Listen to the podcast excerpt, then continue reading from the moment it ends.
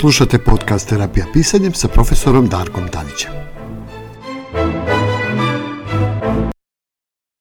Dobar dan i dobrodošli u današnju epizodu terapijskog pisanja, našeg popularnog podcasta, u kome ćemo govoriti o jednom osnovnom konceptu koji se tiče terapije pisanjem, a to je pisanje i naš um. E, jedan od glavnih postulata terapijskog pisanja, barem jedan postulat u koji ja duboko verujem, jeste e, ona čuvena maksima kakvi su ti misli, takav ti je i život. E, ideja je upravo u tome da praktično sve e, naš doživljaj sveta, sebe i sveta koji nas okružuje, praktično ide iz glave.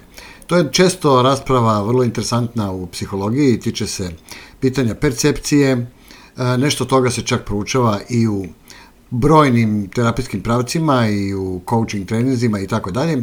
Ali ja bih se vratio na ovu našu glavnu temu, dakle e, ideja, jedna od glavnih ideja jeste da praktično sve ide iz glave. Koliko često puta smo čuli ovu rečenicu? Tako često mislimo i gotovo smo apsolutno sigurni da znamo šta nam se događa u sobstvenoj glavi, a da zapravo suština ovih procesa je sasvim drugačija. Mi se ovde pojednostavljeno rečeno nalazimo u ulozi kapetana koji stoji na komandnom mostu svog broda možemo da vidimo šta se događa na Pučini i Nemenom moru ispred nas, ali se zapravo mnogo veći događaje odvijaju ispod površine vode ili unutar nas, događaj koji ne možemo da vidimo. Ovo se odnosi i na ono što se zbiva na krmi broda, kao i na brojnim palubama ispod nas. Ovaj koncept nesestog naravno postoje vrlo popularan sa Freudovim teorijama nesvesnog, ali bio je poznat e, našim predsima i mnogo ranije u brojnim filozofskim pravcima još od antičke Grčke, pa i mnogo ranije u istočnjačkoj filozofiji se pominje ovaj koncept svesnog i nesvesnog. No, postoje brojne stvari događaje dakle, oko nas i u našem brodu, e, koje često uzimamo zdravo za gotovo, a da čak velikog broja od njih uopšte nismo ni svesni. U ovo spadaju naše navike, obrazci mišljenja, naša sklonost ka alkoholu, drogi, opažanje i odnos prema stvarima i životinjama koje se kreću oko nas, pa čak i potencijalna pobuna na brodu kojim upravljamo. Naš mozak, ono što je važno rečeno, nismo dobili ili nabavili u nekoj prodavnici, što je sasvim logično i svima nama naravno jasno. Niti je on prepakovan i instaliran od strane nekog super božanskog bića, koji nas je postavio iznad svih stvari, prirode i ostalih živih bića i životinskog sveta kojima neizostavno pripada. Ako to razumemo, onda možemo da razumemo da je naš mozak zapravo rezultat opšteg sistema i zakona prirode i univerzuma, razvoja koje je trajao milionima godina. Naša vrsta je provela mnogo vremena u borbi za preživljavanje i dominaciju okružena brojnim moćnim prirodnim silama i životinjama koje su veće, jače, brže i bolje opremljene od nas. Mi smo deo tog životinskog sveta na ovoj našoj planeti, hteli mi to ili ne. Možda će to za nekog zvučati uvredljivo – ali praktično to je činjenica od koje ne možemo da pobegnemo. A u trenucima kada se ne bavimo drugim životinjama, mi se tada okrenemo jedni ka drugima i tada počinju mnoge radosti i brojne nevolje. Ovo naročito važi kada je u pitanju komunikacija, sukob i nasilje kao metod rešavanja problema i kreiranja radosti naših života. I uzrok i posledica mnogih traumatičnih situacija, emocionalnih problema i svakodnevnog stresa sa kojima se suočavamo. Mi smo zaista, e, često skoro sam prisutovao jednoj konferenciji gde je bilo vrlo interesantnih govora o tome kako ljudi zapravo podnose i kreiraju, kreiraju svoje stresove. Pa su dali jedan vrlo interesantan primer sa životinjama, sa jednom antilopom koju je progonio lav, i ta borba je bila užasno napeta i uzbudljiva dok je trajala i a, antilopa je srećom uspela da preživi i kako se popela na jedno usamljeno strvce pored jedne reke da je la više nije mogao da dohvati, ona se samo jednostavno stresla i nastavila da pase i da korača i ide dalje u život bez stresa.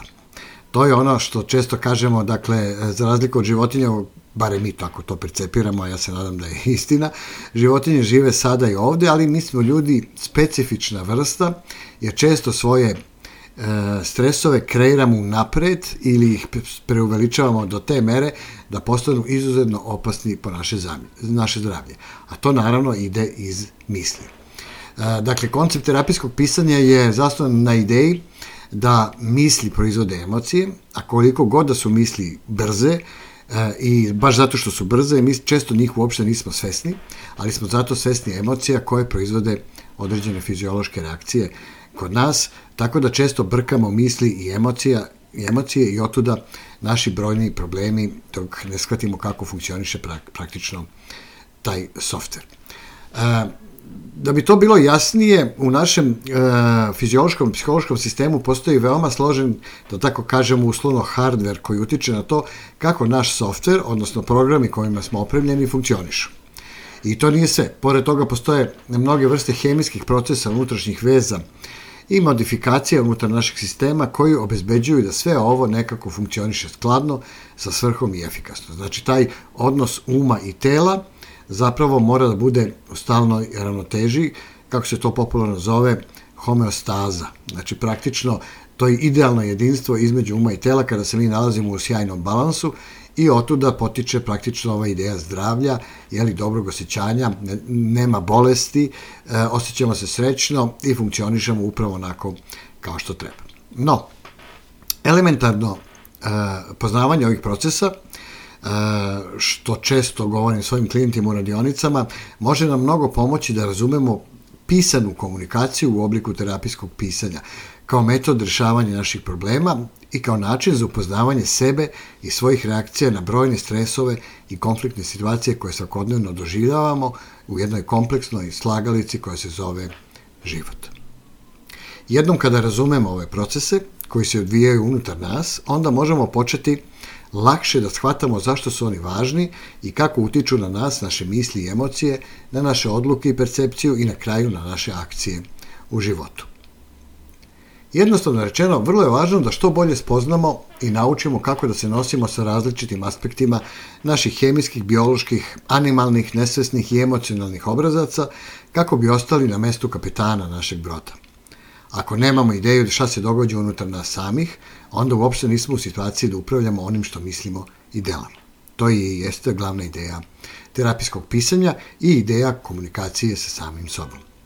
Ako ne možemo da kontrolišemo ono što radimo, onda sasvim sigurno ne možemo da kontrolišemo ništa od onoga što se događa izvan nas.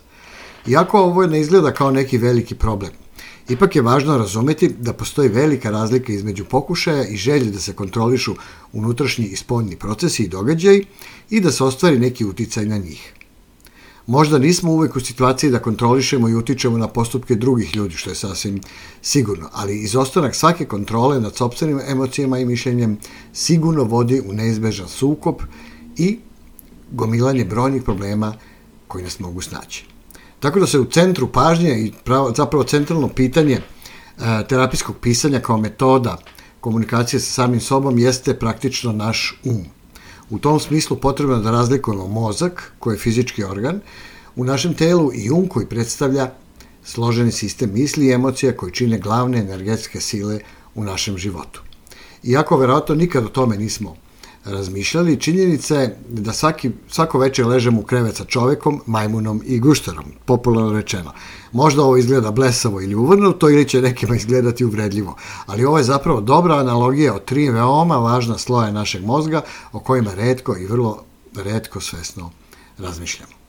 Tako da praktično terapijsko pisanje kroz svoje brojne vežbe E, jednostavno postavili jedan dobar sistem i dobar osnov za unutrašnju komunikaciju kako bi razumeli naše misli. Onog trenutka kada razumemo obrazce, na koji na, načine na koji razmišljamo, tada ćemo razumeti mnogo lakše i emocije, a nakon toga i ponašanje koje sledi e, iz ova dva glavna principa. Dakle, praktično taj, da tako nazovemo, ABC sistem, znači misao, emocija, ponašanje je centralno pitanje kojima se mi u terapijski, terapijskom pisanju bavimo. Sve vežbe su konstruisane tako da možemo da na jedan e, relativno jednostavan način kroz određeni vremenski period radeći vežbe uhvatimo sistem kako razmišljamo, a jednog trenutka kad ga uhvatimo onda možemo i da polako menjamo naše misli, a menjajući naše misli menjamo i emocije, a menjajući emocije i misli menjamo i naše ponašanje, što bi trebalo da vodi jednom uravnoteženom načinu života, jednoj divnoj homeostazi između uma i tela, a samim tim to će nam obezbediti sistem da lakše rešavamo naše životne probleme i da ostvarimo sreću i zadovoljstvo u životu. Nadam se da je ovaj osnovni koncept uma i pisanja koji je postulat, jedan od osnovnih postulata terapijskog pisanja bio dovoljno zanimljiv, da krenete i sami da istražujete kako to možete da ostvarite putem terapijskog pisanja. Slušajte nas i dalje, pratite nas na našem sajtu www.kreativnopisanje, odnosno www.terapijskopisanje.com. Imate brojne interesantne materijale na blogu, na našem podcastu, a možete upisati i neku od online individualnih ili grupnih terapijskih radionica i naučiti ovaj divan, nežan metod za komunikaciju sa samim sobom, što će vam u perspektivi obezbediti najboljeg terapeuta koji možete da dobijete, a to ste zapravo vi. Do slušanja Prijetno vam želim. Sa vama je bio profesor Darko Tadić. Slušali ste podcast Terapija pisanjem sa profesorom Darkom Tadićem. Pratite nas i u sljedećim epizodama na našem